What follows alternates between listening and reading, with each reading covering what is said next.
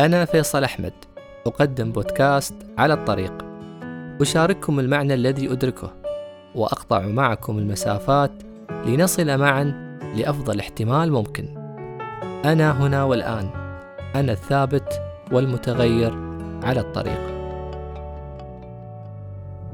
على الطريق وغايتي ألا أصل فكلما وجدت بعضي أحسست أن الأرض أرضي على الطريق.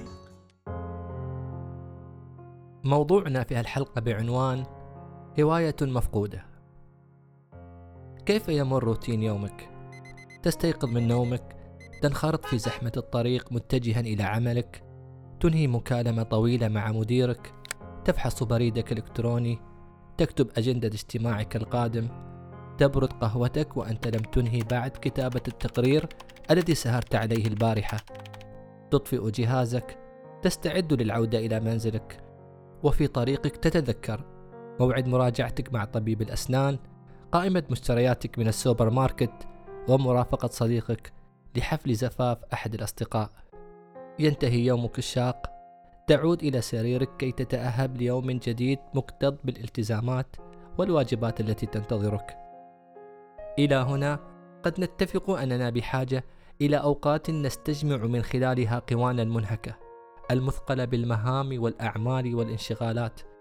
أوقات تحررنا من الجانب المظلم للروتين ويتجلى بها اتزاننا في زمن تزاحمت فيه مسؤولياتنا وتسارعت فيه خطواتنا. إنها هوايتك التي إن فكرت بها أنعشتك وإن بدأت بها أسعدتك. وإن مارستها أخرجتك من ضوضاء الأفكار وتسارع وتيرة الحياة. هوايات قريبة من أرواحنا مؤنسة لقلوبنا مصفية لأذهاننا. حتى تجد نفسك تشبه الكثيرين الذين يمارسون هوايات يعشقونها يتقنونها أو ربما تصنع فرقا في تحسين مزاجهم ومجرى يومهم. غير أننا أدركنا أخيرا أنها أصبحت ملجأنا للتنفيس. ومقصدنا للراحة وترانزيت رحلة عودتنا إلى الإنجازات والطموحات. إنها العادة الدفينة التي تجمع مزاجك الخاص ومساحتك الآمنة بل إنها الحكاية التي بدأت منذ صغرنا بالرسم على الجدران ثم جمع الطوابع وفك الألعاب صاحبها صنع الطائرات الورقية وقصص قبل النوم أو ربما الركض خلف قطط الحارة أو قد تكون تلك الهواية التي جاءت بدعوة صديق لانضمامك إلى بطولة الفرجان لكرة القدم تبعها عمل تطوعي في تنظيف شاطئ المدينة أو ربما الالتحاق بنادي الرماية المجاور لبيتك لعلها المهارة التي لازمتك وغدت موهبة تطلق بها العنان لخيالك وطاقاتك كعزف البيانو ولعب الشطرنج أو التزلج على الجليد. من المحتمل أن تكون الصدفة التي جمعتك مع أول كاميرا أهديت إليك التقطت بها أول صورة في حياتك لتطلق بعدها شرارة شغفك في التقاط اللحظات والمشاهد الآسرة في رحلتك بين صعود الجبال وزيارة المدن المزدحمة وصناعة ذكرياتك الخاصة التي ما زالت تحدثك عن المرات الأولى التي بدأت بها رحلتك نحو أقرب هواية صنعت شعورك ورسمت براعتك. فما الهواية التي تسمح لها أن تزاحم روتين يومك وجدول أعمالك Why is a hobby so important? Why do I want to teach on this for just a couple of minutes? Because I think many of us fail to see the value in the purposeful distraction. In other words, a hobby. Ken, I got three kids. I'm working two jobs. I, I, I, I can't afford a hobby. Well, let's look at hobby as a intentional distraction that allows you to step out of all of those roles for a small amount of time consistently and refresh your head and your heart. يفترض قانون باركنسون أن الهوايات يمكن أن توفر المزيد من الوقت وتسرع من إنجاز أعمالك ومسؤولياتك فعندما يمتد المساء أمامك قد تجد نفسك وبشكل تلقائي تنهي متطلباتك الدراسية مسؤولياتك المنزلية ومهامك الروتينية بشكل أسرع. تعينك على ترتيب أولويات حياتك الصاخبة بالإضافة إلى أنه عندما تمارس هواية بشكل منتظم تكتسب عدة فوائد منها تأمين صحتك العقلية والنفسية بتقليل مشاعر التوتر ونيل الاسترخاء بعد يوم طويل ومرهق. بناء على دراسة أجراها عالم النفس الصحي بجامعة كاليفورنيا ماثيو زواتكي ففي محيط هوايتك ستجد من يشابهك ستبني صداقات جديدة وتوسع علاقة مع أحدهم. ستشاركهم ويشاركونك حماسك واندفاعك واهتماماتك. فلن تكون لديك قصة تلهم بها نفسك فقط بل ستلهم من حولك من العائلة والأصدقاء بتفاصيل هوايتك وسر جمالها.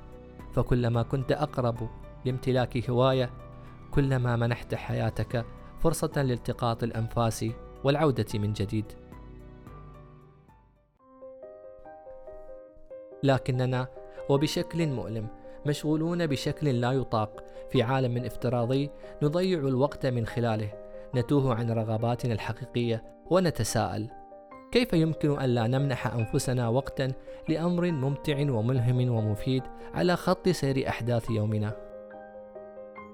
بحسب الكاتبة بريغيت شولد في كتابها الأخير Work, Love and Play When No One Has the Time.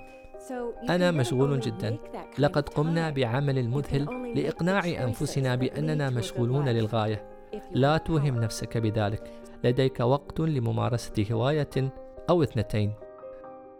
لطالما أردت أداء شيء ما مثل تعلم الخياطة، الاهتمام بحديقة منزلك، العزف على آلة موسيقية أو تعلم لغات جديدة. ربما ثمة أمر كنت تحبه لكنك توقفت عن فعله. كأن تنضم إلى ناد اجتمع أعضاؤه على حب رياضة أو فريق اشترك أفراده على ممارسة لعبتهم المفضلة، لكنك عشت في وهم أنك لا تملك وقتا، وأنه في يوم من الأيام ربما لاحقا عندما يغادر الأطفال المنزل أو عندما أتقاعد. ممارسة هواية لبضع ساعات أسبوعيا كما تذكر كلية هارفورد هيلث يمكنها أن تزيد وبشكل كبير إنتاجيتك.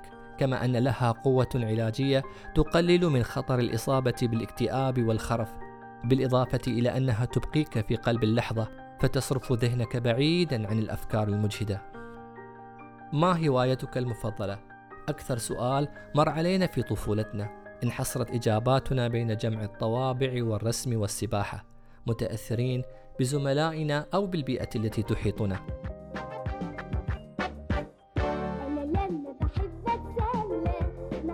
يتعثر معظمنا نحو ما قد يرسم له معالم مساحته الخاصة التي تحجبنا عن رؤية العديد من الهوايات التي لم نجربها. في حين يطرح موقع ويكيبيديا أكثر من 550 هواية صنفت إلى خمسة أنواع. هوايات عامة كالرسم تركيب الليغو والغوص والتصوير. هوايات تعليمية تتعلق بعلوم الفلك والتاريخ والأحياء والأبحاث. هوايات التجميع كجمع الطوابع العملات جمع التحف والسيارات القديمة. الهوايات التنافسية كالبولينج والشطرنج والجري وكرة القدم. وأخيرا هوايات observation والتي تسمى بهوايات المراقبة مثل تربية الأسماك ومراقبة الطيور والتأمل ورصد الطائرات. وقسمت جميعها إلى هوايات تمارسها بالداخل وبين التي تمارسها في الهواء الطلق ما يعني أن عالمنا يحوي الكثير من تجارب لم نخضها هوايات لم نمارسها ومتعة لم نكتشفها بعد. فكما قيل اعثر على ثلاث هوايات واحدة تجلب لك المال واحدة تبقي جسدك رياضيا وواحدة تبقيك مبدعا.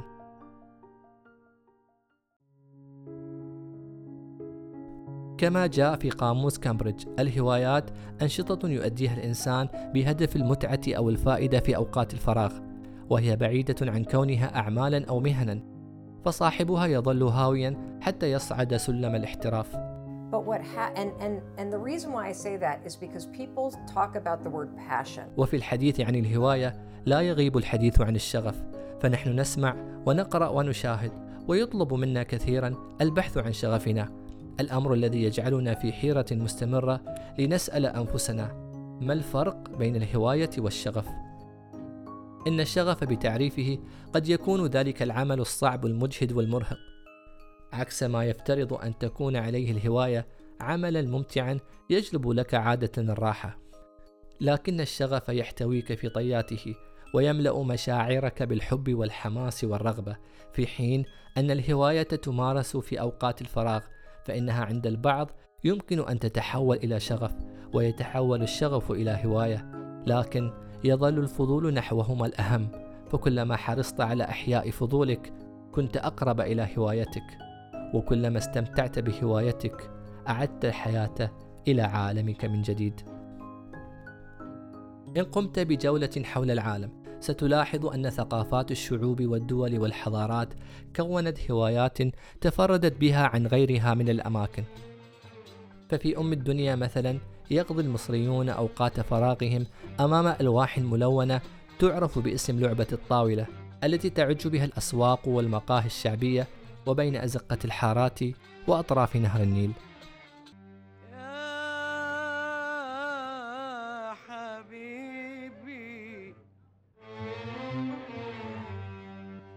حيث لن تتخطى عينيك شوارعهم إلا وأنت تشاهد حشود المتقاعدين الذين يعرفون بجماعة سن المعاش. توطدت علاقتهم بأشهر هواية رست على أجيال مختلفة منذ 200 عام. بدأت قصصها تروى بهواية تحريك الدمى للأطفال وتنتهي ب حطيتك في خانة اليك ورا واحد اثنين ثلاثة أربعة اتفضل. آه اتغير يا حبيبي. هو إيه اللي خلص؟ تعالى بكرة يا أبوي مالكش غير ثلاثات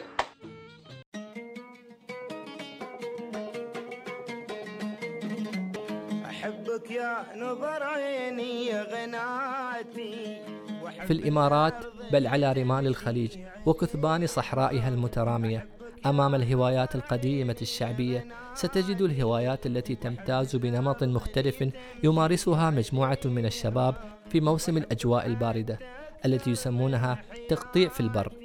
فلم يقتصر الأمر على المخيمات والكشتات وإنما بجولات وصولات سيارات الفورويل على رمال الصحاري الذهبية. طبعا تقطيع البر عندنا في الإمارات آه، هو عبارة عن الخروج عن المسار في آه، الصحراء. لذلك إن اغلب الشباب يأخذون سيارات اللي هي الدفع الرباعي ويسوقون في الصحراء مع شلة من الشباب. البعض لما يروح يقطع في الرملة آه، يبى يطلع عن ازدحام المدينة. فيروح في الرملة هناك سيح رملة حوالينا وشمس و آه، طبعا مثل هذه الهواية تساعدك إنك تطلع من ضغط العمل تطلع من التوتر النفسي. ذكراك لذوق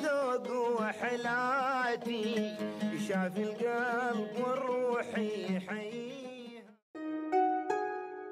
أما اليابانيون فيعتزون ويفخرون بتاريخ صناعة أفلامهم المحلية الذي يمتد إلى أكثر من مئة عام إذ صنفت اليابان من قائمة ال top five في صناعة الأفلام على مستوى العالم وتجلى ذلك وفقا لدراسة نشرها موقع ستاتيستا عندما سئل الياباني عن هوايته المفضلة كانت النتيجة أن أكثر من 52% يفضلون مشاهدة الأفلام في منازلهم بحيث اعتبروها هوايتهم الأولى متفوقة على ألعاب الفيديو وقراءة الكتب. وبين ما تشاهده في إسبانيا من مصارعة الثيران وممارسة اليوغا في بلاد الهند وتسلق الجبال في تنزانيا تظل الهوايات مرتعا لحكايات عالمية تروي قصص الأساطير الشعبية لأمم وحضارات سطرت عراقة تاريخها.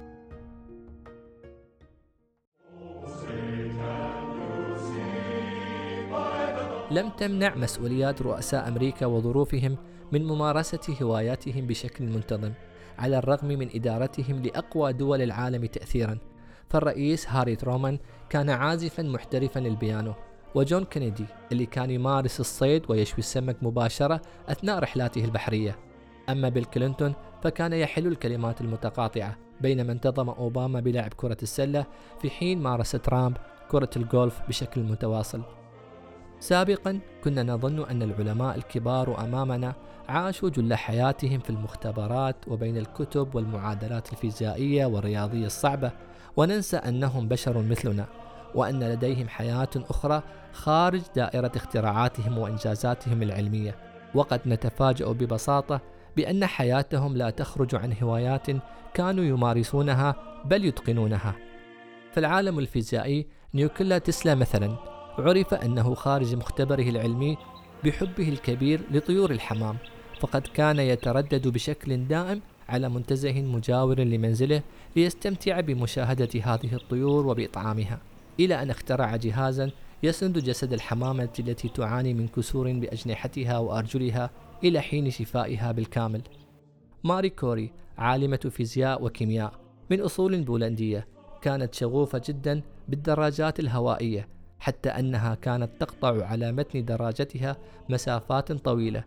بينما كان العالم الألماني الشهير ألبرت أينشتاين شغوفا بالموسيقى وتحديدا بآلة الكمان إذ تمكن من تعلمها بمفرده دون أي معلم للموسيقى. واعتاد أن يعزف بالأوقات التي يقضيها خارج مختبره وأوراقه البحثية. إذا كنت تشعر بأنك لا تريد قضاء وقت فراغك بمشاهدة مسلسل آخر وأنه حان الوقت للعثور على هواية مفقودة تمنحك قيمتها الحقيقية. فهل تظن أننا قادرون على اختيار الهواية التي تناسبنا أمام قائمة طويلة عشوائية من الهوايات؟ أم أننا محاطون بالغموض رغم عودتنا إلى صندوق ذكريات الطفولة؟ يساعدنا موقع فيوتشر لين على إعطائنا فرصة لنتوقف قليلا أمام أهم سؤال ممكن تسأل نفسك مقابل الكم الهائل من الهوايات التي تصادفنا. ماذا تريد من الهواية؟ هل بهدف الاسترخاء من أعمالك المرهقة وزحمة مهامك الروتينية؟ أم تنشيط لجسدك وتنمية عقلك ومهاراتك؟ أم هواية تعبر عن هويتك وشخصيتك وإبداعك؟ على الرغم من أن الهدف الأسمى من ممارسة أي هواية إبقاؤك في دائرة الراحة والتواجد في اللحظة، فإنه كلما كنت على دراية باحتياجك الحقيقي اقتربت من هوايتك الضائعة أو هوايتك التي تشبهك. حينما تكون رغبتك البحث عن ما يمنحك الهدوء والاسترخاء وسط معمعة مسؤولياتك والتزاماتك ستكون اختياراتك قريبة من قراءة القصص، الكتابة، اليوغا، الاستماع للموسيقى، الطبخ وصنع الخبز، الاهتمام بحديقة منزلك، التلوين، وربما جمع قصاص ذكرياتك في ألبوم، أو كتابة مذكراتك اليومية، التي صنفتا بأنهما أكثر هوايتين تساعدان على تنظيم أفكارك وتخفيف مشاعر انزعاجك، واللي تخليك تقدر إنجازاتك وتمارس الامتنان. فكل ما تحتاجه قلم ودفتر أو جهاز كمبيوتر لتبدأ بالكتابة ومعالجة أفكارك في نصوص وصور. أما إذا كانت غايتك الحفاظ على لياقتك وصحتك، فحتما ستكون هواياتك قريبة من المشي، الجري، ركوب الدراجات، رفع الأثقال أو التزلج، في حين لما يصبح هاجسك تنمية مهارة أكثر من أمر آخر، فسيكون خيارك العزف على آلة موسيقية تعلم لغة جديدة البولينج التمثيل حرف الخشب تصميم ال graphics تحليل البيانات أو الشطرنج. لكن إذا كنت تبحث عن هوايات جديدة تلائمك فأنت حتما ستجد مبتغاك في الرسم في التصوير النحت وتأليف مقطوعة موسيقية. وأخيرا إذا كنت تتحدث ببساطة عن أمور تساعدك للهروب من روتين الحياة اليومية لبعض الوقت سيكون خيارك الأنسب مشاهدة فيلمك المفضل وألعاب الطاولة وال video games والمونوبولي.